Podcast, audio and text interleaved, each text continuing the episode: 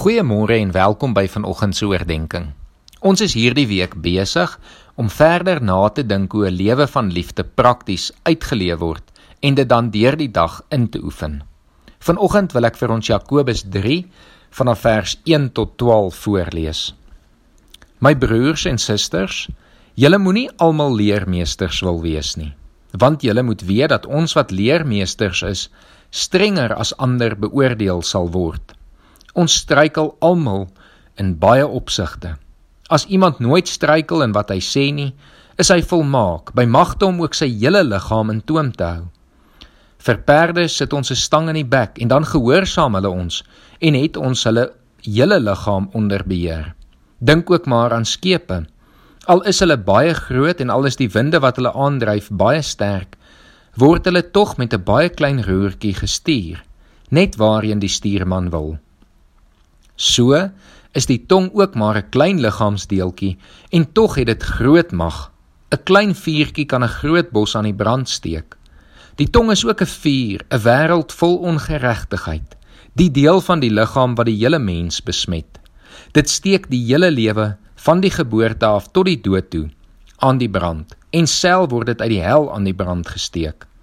Alles wat loop, vlieg, kruip of swem, Elke soort dier word en is al deur die mens getem. Maar geen mens kan die tong tem nie. Dit is 'n rustelose kwaad, vol dodelike gif.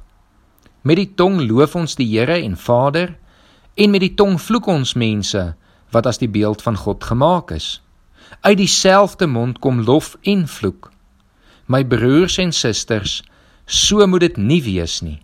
'n Fontein laat tog nie uit dieselfde oog vars en brakwater opborrel nie. 'n Vyeboom, my broers en susters, kan tog nie olywe dra nie of 'n druiwestok vye nie. 'n Brakfontein kan mos nie vars water gee nie. Predikante is lief daarvoor om te praat. Of in elk geval is dit 'n stereotipe wat meeste mense glo. In my geval is dit waar. Maar dit is sommer net 'n vinnige herinnering aan gister se boodskap dat ons versigtig moet wees om mense op grond van stereotypes te beoordeel. Ek praat maklik, te maklik. En my tong het my gereeld al in die moeilikheid gekry. Ek het al meer kere as wat ek wil erken, na ek gepraat het gedink, kan ek nie maar net my mond stilhou nie. Vanoggend se boodskap uit Jakobus is weer 'n herinnering vir ons dat ons tonge onder beheer van die Heilige Gees geplaas moet word.